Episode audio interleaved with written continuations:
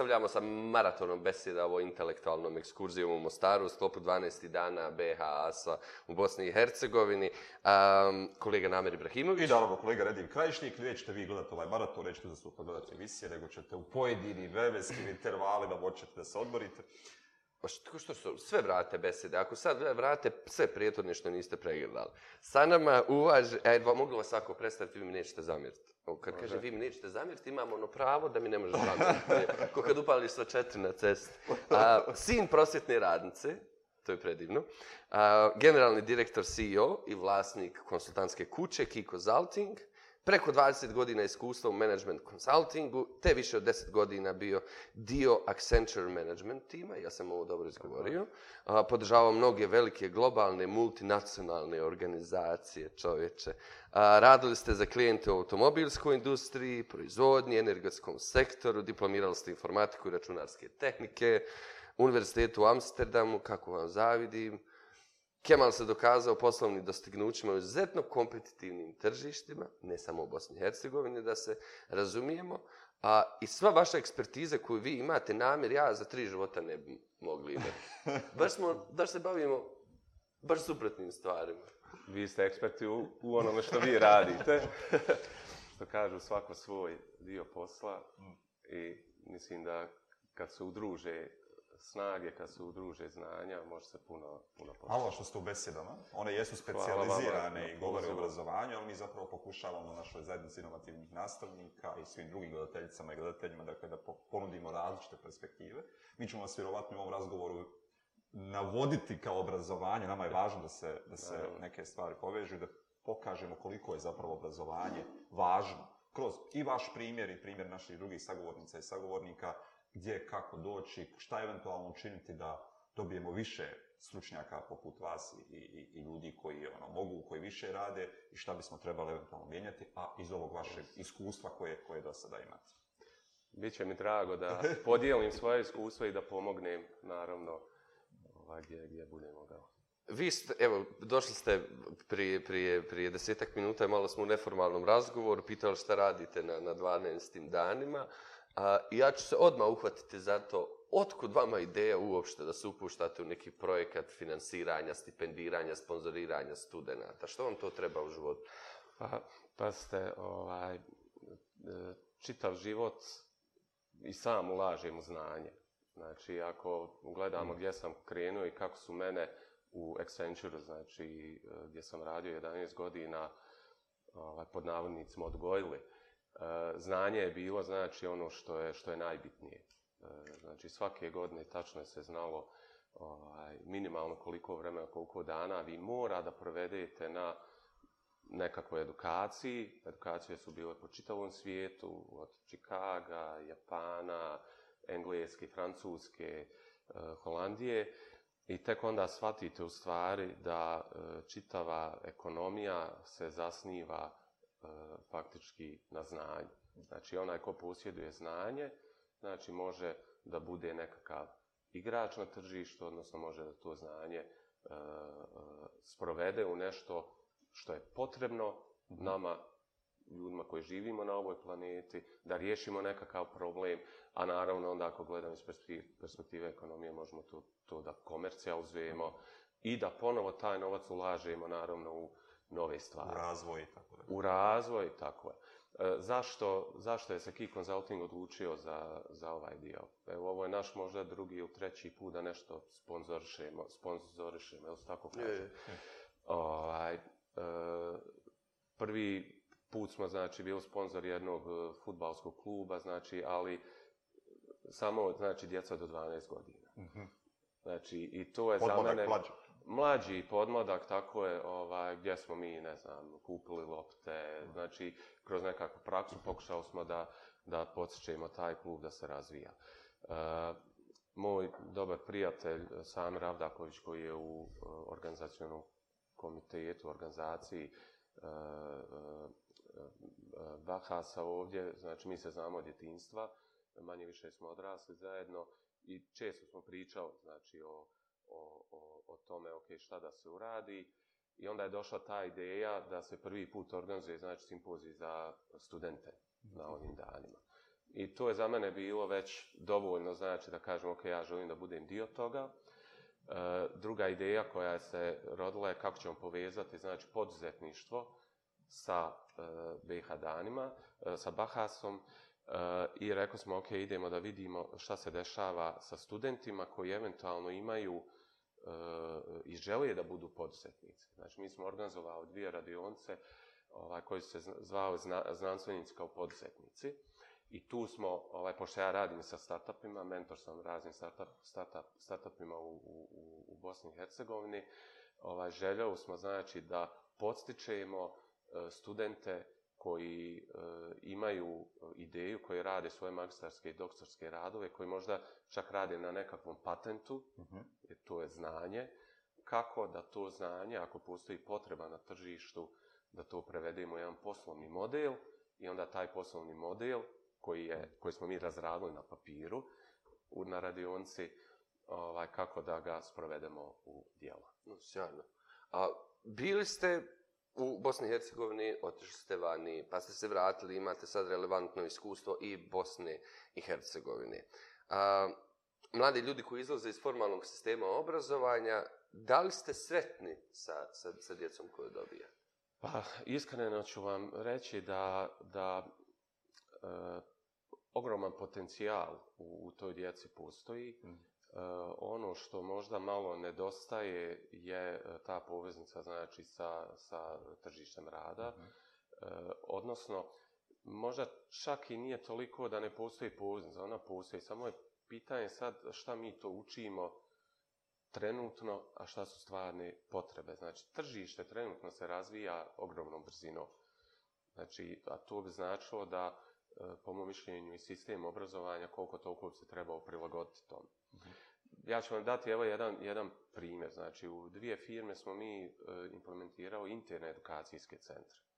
E, upravo iz te nekakve potrebe što nismo mogli da, da, da uopšte organizujemo se, znači, da edukujemo kadar koji je potreban, znači, tom tržištu, odnosno toj firmi, djelomično smo to mogli raditi. Međutim, nekakva specifična znanja e, smo morali e, e, interno da se organizujemo. A šta je tu dobro? Interno znači nevjerovatno je koliko znanja postoji u ljudima. Mm.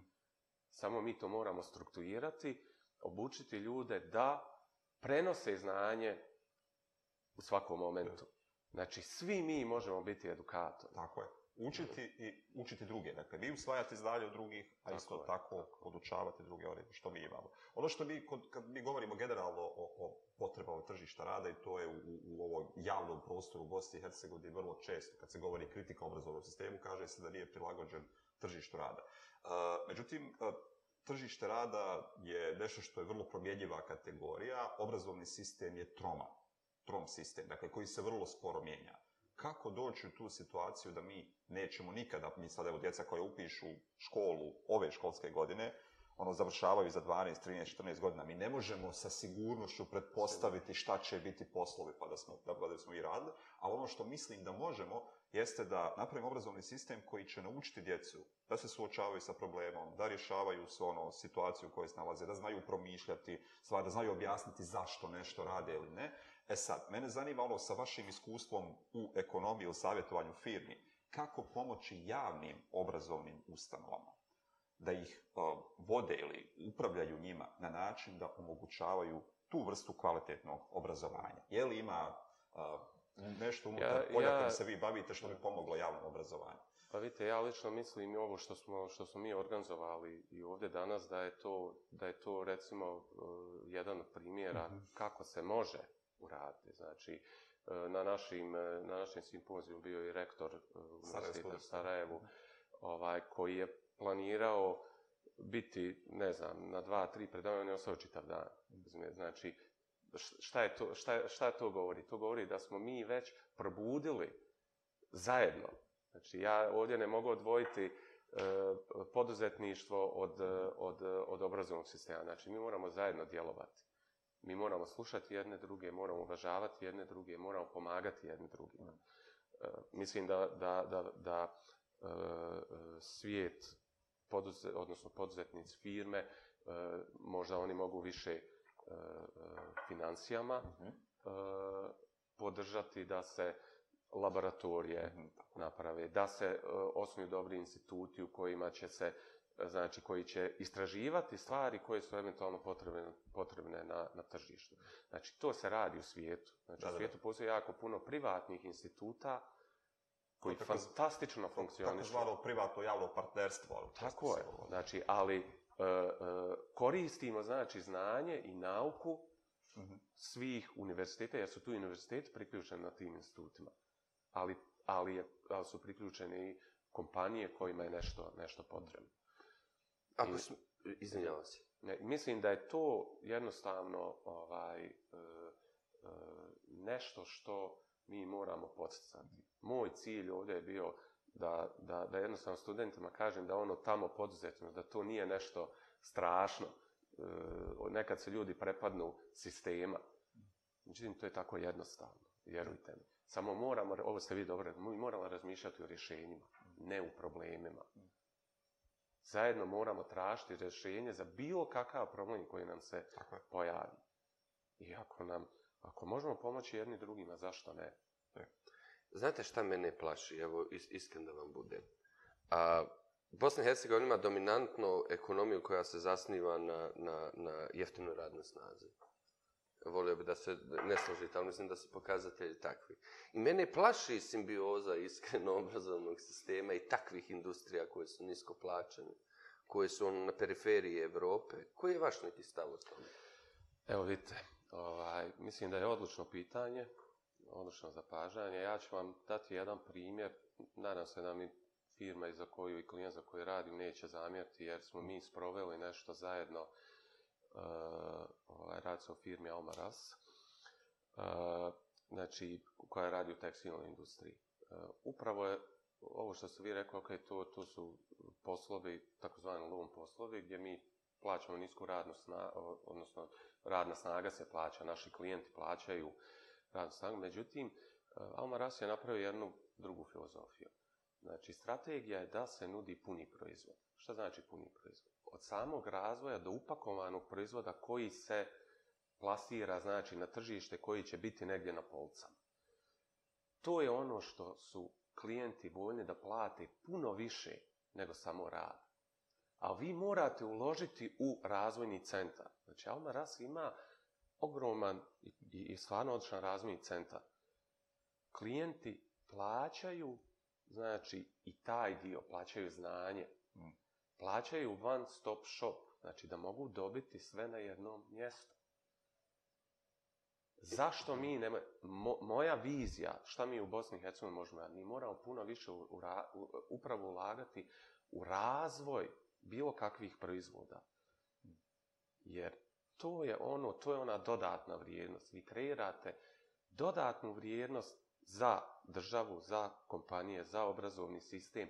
Nudite, znači, naučnicima, nudite, znači, studentima koji imaju afinu, koji žele da se razvijaju u određenim oblastima, nudite im jednostavno polje, odnosno uh, ovaj, teren na kojem mogu da, da, da odrade ono zašto su se edukovali. Mm. To je ključ uspjeha. Ima, ima smisla. Evo, hvala vam što se... Ali morao sam postaviti ono pitanje čisto da... da ne volim da, da, da predstavljamo... Ono, ovo je kontekst Bosne i Hercegovine, mislim da po, zahtjeva posebnu, ono, drugačiju poziciju razumijevanja i tako dalje. A, u kont mi, mi sa nastavnicima razgovaramo o, o drživoj budućnosti. Ne pojeftinjeno u smislu ekologija, razvrstavajte smeće i tako dalje. On je mnogo širi koncept i pr, pr, podrazumijeva i socijalnu pravdu kao, kao pitanje održive budućnosti u tom kontekstu i niskoplačene a, industrije. Kako vi razumijete održivu budućnost? Koliko je vama u poslovanju i sa, sa, sa, i sa klijentima važno da, da, da ima taj jedan princip, ta jedna vrijednost? pa ste nešto svi e, principi poslovanja e, moraju biti e, zasnovani na, na, na partnerskom odnosu. S, ki, s kim god je to, da li je to sa klijentom, da li je to sa državom, sa lokalnom zajednicom, sa, sa sistemom za, za obrazovanje. Mi ako budemo uh, radili na partnerski način, znači tek onda mi možemo postići uh, E, brže i eksponencijalno nešto mm -hmm. u, u budućnosti. E, I mi moramo gledati mi moramo gledati svi zajedno u budućnost. Znači, ne možemo gledati od danas do sutra. E, firme, znači, koje savjetujem. E, recimo, bilo je dosta firmi koje su brzo narasle. I organizacija je prerasla tu firmu. Znači, pas nešto, ne, ne firma koja ima 50 ljudi i nakon tri godine ima 500 ljudi. Uh, ali organizacija nije pratila taj razvoj. Mhm. Znači, e, vi morate e, tražiti znači, način, to je ta strategija, vizija, misija, nekad su to takvi pojmovi gdje kažem, ok, pa šta će mi to, šta meni to znači, ne, ne bitno, šta ja danas radim.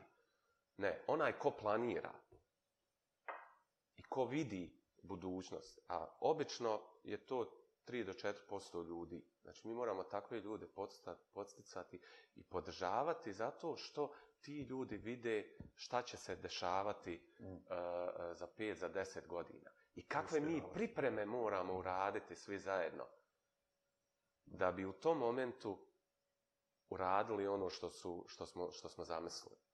Znači, tu je stvar plana, tu je stvar strategije, tu je stvar šta mi uopšte želimo, šta je naš zajednički cilj. Tako, kao Ako ne imamo mm. zajedničkog cilja, lutamo na sve strane. Lutamo. Znači, vi ćete ići lijevo, ja ću ići desno, vi ćete ići unazad možda, ne znam. I šta ćemo da opštamo? Nećemo odrušiti snage. E, o, kada o tome govorite, još jedna stvar koju se vi bavite jeste zapravo upravljanje u kriznim situacijama. Tako. Mi smo, evo, još uvijek u, u fazi u fazi krize, dakle kad planovi koje imamo u nekom trenutku više nisu, nisu ostvarivi. A, možete li a, reći zapravo što bi bilo korisno generalno i, e, i za obrazovne ustanove i dakle ovu situaciju, kako se ponašati u situaciji kada se pojave nepredviđene okolnosti koje drastično mijenjaju okruženje u kojima se uči, radi i tako da. E, te sam krizni menadžment e, osnova, znači, kako se upravlja krizom je da se upravlja rizicima. Znači, uvijek može kriza nastati. Naravno, ova korona i, i, i COVID je možda ekstremni Sad slučaj govorim, toga. Ja znači, to je bilo totalno nepredvidivo. Međutim, opet nije bilo toliko nepredvidivo da mi nismo mogli već unaprijed znati kako se ponašati u nekim situacijama. Šta znači to? To znači upravljati rizicima. Upravljanje rizicima znači da mi pokušavamo rizike riješiti prije nego što postanu problemi. Kad postane problem nešto, onda se bavimo posljedicama. Da, da, da. Znači, to je velika razlika. Da li ću ja preventivno, da li ću ja preventivno, e, preventivno se baviti rizikom i trudit se da rizik ne postane problem. Kad postane problem, evo mi smo, korona je nastala je preko noći, faktički nismo je očekivali. Kad nastane nešto problem, moramo postaviti pravi prioritete. Znači, šta je naš e, u stvari interes. Da li je interes, recimo, evo, u poslovnom svijetu, da se firma održi? Ok, mi onda moramo donositi vjerovatno i teške odluke da bi zadržali firmu koja će opet imati nekakvu osnovu nakon te krize da, da se, se nastavi ponovno razvijati. Da se je bila. Jer vi, a, ako ne uspijete to, neće niko ništa. Vi gubite tu firmu za uvijek gubite sve ono što je ulagano mm. 10, 20, 30 godina u taj sistem. Pa su nešto, sistem kad se gradi, trebamo od prilike 100 godina, kad bi ga pustili, ne bi ništa radili, da, da on padne pa, skroz. Znači, jedan sistem koji je izgrađen, on ne može preko noći pasti. On pada korak po korak, kako se ne upravlja tim sistemom. I uh, u, u, u, ovo što sam mi pitao, znači mislim da je sigurno treba jedan dio rizika i mogo je se procijeniti rizik, mm. ne znam, rizik od požara. Pa znamo kako ćemo se ponašati u slučaju da sad izbije ovdje požar. Obučen smo. E, u slučaju, evo, korone, ajmo sada napraviti e, kako ćemo upravljati ako nam se ponovo desi. pandemije, da. Vrijeme pandemije, šta uraditi? Znači, postoje nekakvi preventivni mehanizmi uh, I kad se to desi, imamo, znači, ljude ko je zašto zadužen. Jako je bitno da tu ne bude panike. Mm. Znači, opet kad imamo problem, hajmo, ga, hajmo razmišljati u rješenjima. Ne paničiti, jo, pa ne odstaćemo bez posla, nećemo... Ne. I za svakog problema, znate kako kažu, zatvorite jedno vrata, otvori se deset vrata. To je se u dosta firmije se to, to desilo. Mislili su, preorientirali se na totalno nekakve nove poslove, Zašto? Jer ih je situacija natjerala da razmišljaju out of the box. Mm. Konačno. E, konačno. Jer mi smo se bavili samo od stvarima koje najbolje dobro znamo, ali nismo uključili drugu Šta stranu mozaka, mozka, mozka, e, kreativnu stranu, da vidimo okay, šta mi to možemo još ovaj, dodatno raditi sa resursima koje imamo. Iskreno ja se natjeralo ovo, na, da, da. na ovakav izlazak, ovo da, da sa ljudima možemo razgovarati. Moram da se vratim na ono pitanje pri, prije toga. Da jako nas interesuje ova budućnost. A, pošto mi nismo iz, iz, iz, iz tog svijeta, dakle, mi krećemo iz ovih humanističkih teorija i dominantno smo tu, a biznis ipak je, je sa, sa, sa druge strane. A, kako pomiriti tu, tu, tu glad za profitom, taj, taj, taj, taj moment eksploatacije i ljudi i prirode i napraviti jedan, jedan, jedan balans za, za, za budućnost? Da li je to moguće? kako sa vašim klijentima vi o tome razgovarate? Ili je profit jedina tema koja je, koja je dominantna? E, mi sa klijentima otvoreno pričamo o tome. Odnosno, gledamo šta se dešava oko nas. Da li su plate problem? Evo, mislim, ako pričamo o Bosni i Hercegovini, plate su nekako uvijek tema negdje tamo mi možemo zaraditi e, više, imamo uređeniji sistem, lakše će nam biti živjeti i tako dalje. E, e, taj poslovni svijet, e, barem u firmama u kojima sam, u kojima sam ja aktivan, uvijek je tema bila kako možemo, ne, naravno, gleda se kako, kako se može povećati profit, ali se gleda prije svega kako možemo e, ključne resurse od kojih zavisi naš biznis, da dovedemo, znači, do što boljeg balansa, što e. boljeg nivoa. To znači, ne znam, u jednoj firmi postoji pravilo, najmanje 10 do 15% placa moraju povećavati svake godine. Na uštrb možda i dobiti Protim, koji ide vlasniku. Da uloži zapravo. Ulaga, za, zato što je to ključni resurs. Dobro obučene ljudi koji rade dobro svoj posao. Bravo, edukacije. Motivisati ljude. Mi smo pokrenuli jedan uh, projekat inovacija i ušteda. Uključujemo ljude da zajedno, da, da osjećaju firmu kao, kao domaćinske, da se mm. ponašaju, da osjećaju kao svoje. Ta firma nije od, od vlasnika. Vlasnik je pokrenuo nešto, ali on daje tu firmu u poslovnicima da oni rade tu, da stvaraju nekako okruženje gdje će rado dovoziti na posao.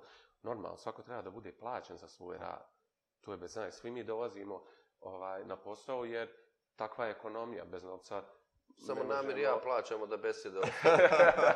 mi smo jedini. Mimo ekonomije. Morat ćemo i o sponsorstvu sa vama razgovarati. Mimo ekonomije. Ni, nismo vas doveli to da nas pozorčite, nego kaže koliko smo potpuno nesposobni da ovaj, ovaj... Da, to recimo čemu vi govorite, spominjao sam često dokumentarac, ja mislim da je još bio radio i zove se Sutra i oni su navodili neke uh, primjere ono, iz svijeta, gdje su radikalno otišli u budućnost i ovaj primjer sam navodio, sad mi je ono važno, mm -hmm. dakle firma koja proizvodi koverte u Francuskoj je napravila tako stvar, zapravo sva dobit, sva profit ide ljudima koji rade unutar toga, oni su od, napravili so, ono, panele, energiju sami proizvode koje imaju, napravili su baštu u kojoj žive, ugodno im je mjesto, oni dijele novac kad dobit jednako na sve druge stvari, vlasnici firme njima raste vrijednost, ne interesuje ih da ono... Urade. Zato kakav je trend sada u svijetu? I nekoliko firmi to radi, pogotovo u Hrvatskoj. Jedan, jedan moj prijatelj koji ima mm. jednu malu firmu za, za edukacije, transparentnost. Mm. U toj firmi se tačno zna koliko ko ima platu, kolika je dobit firme, šta, radi, koja šta se radi. Ko radi. Znači, svi. Nema skrivanja. Mm. Isto vam se dešava u Rimac u, u, u Hrvatskoj. On je to isto uveo u firmi. Mm. U početku je bilo ono problema zašto ovaj ima veću, morao se nivelsati. Ali u određenom trenutku, kad je to završeno, znači imate zadovoljne uposlenike, imate zadovoljne vlasnike. I imate zajedničko nešto, a to je ta transparentnost. Mm.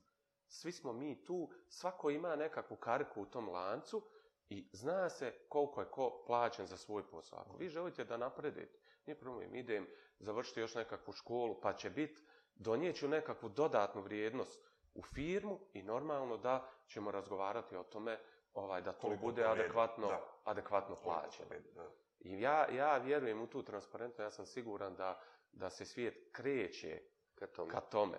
Ovaj, jer prošlo je ono vrijeme profit, profit, profit, profit. Mm e, i firme i ljudi su postali više svjesni da ovaj da mi moramo zajedno raditi na jednom no, novijom sistemu. Dakle, da imamo zadovoljstvo na radnom mjestu, ne da radimo zato što osiguramo plaću, nego zato što nam je ugodno i što Tako. ono, neko cijeli... I da rado idemo odnos. samo, da, razumijete? Da. Znači, šta meni vrijedi ako ja ujutro ustane i mi kažem, ja opet, opet na posao. Ja moram. Neću biti produktivan, neću biti kreativan, samo ću čekat kada ću se vratiti kući. Radit ću ono što moram, Tako, Tako je, ono što mora, ne ono što, što želim, što ne. Mm. volim i gdje, gdje mogu da doprinesem. Ne.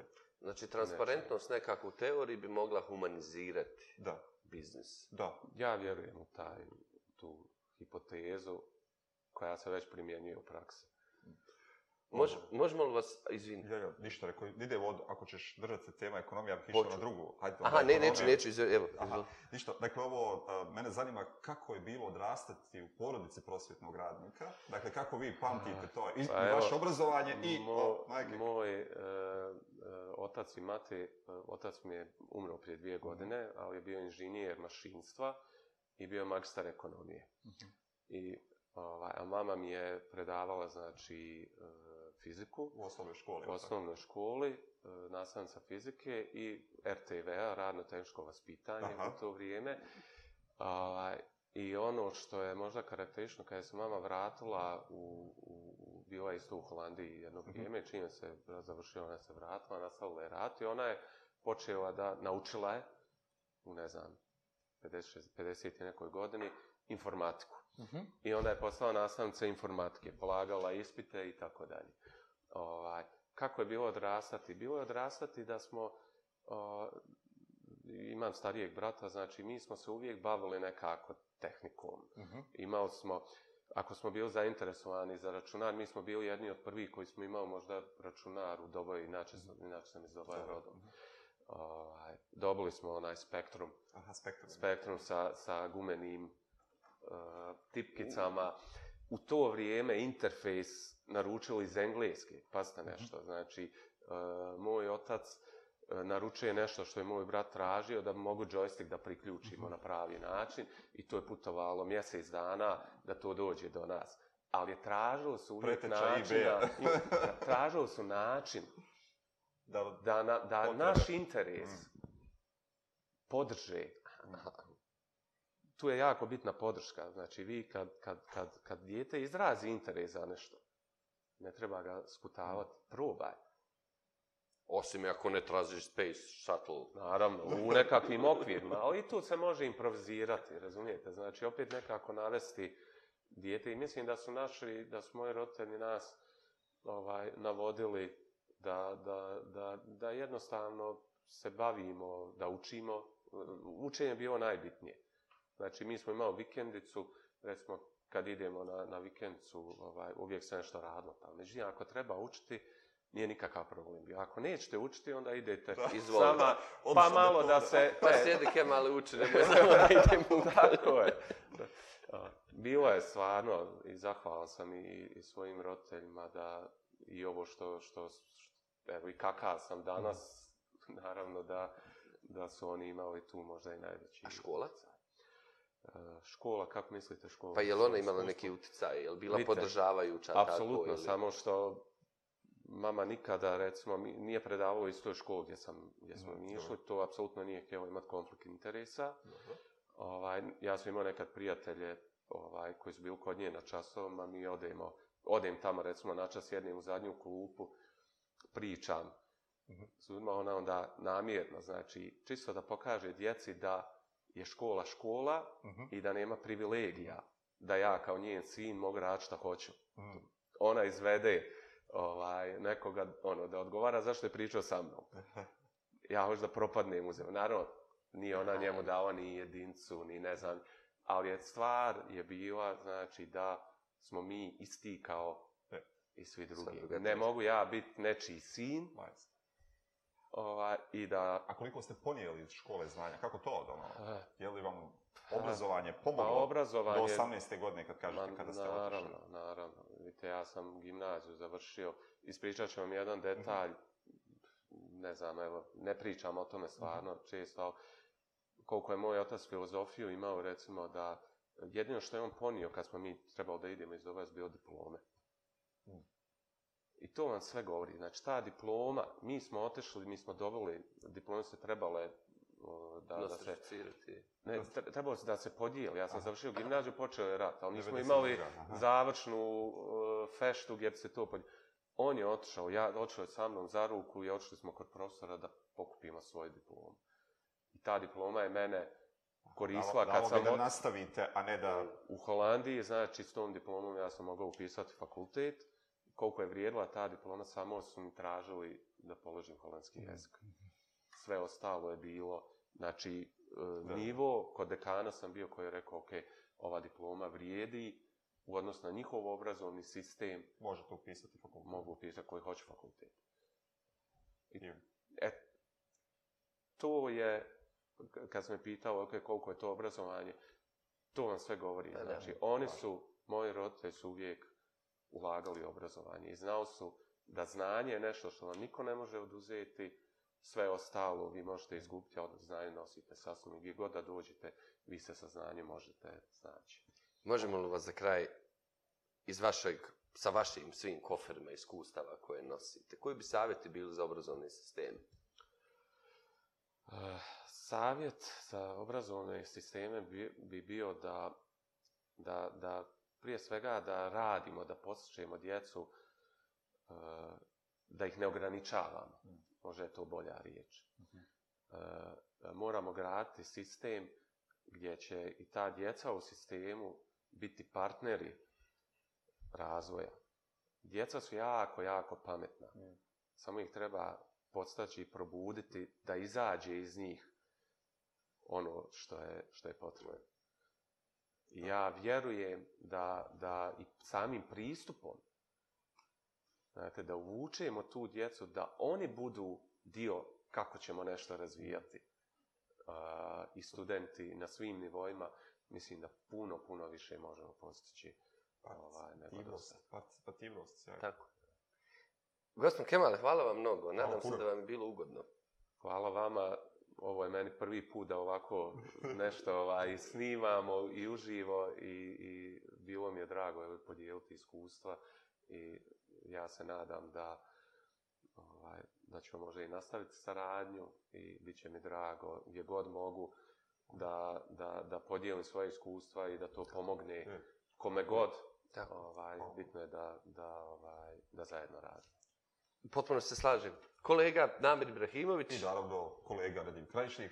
I bio je tu uvaženi Kemal Hadžić, a vama dobri ljudi, srdačan pozdrav, do sljedeće besede. Ćao, čao. Doviđenja. Hvala. Pauza. Vidite dolje dugmić, crveni, subscribe, imalo neko zvonce. Odma, čim kliknete, mi nastavljamo. Iste sekunde.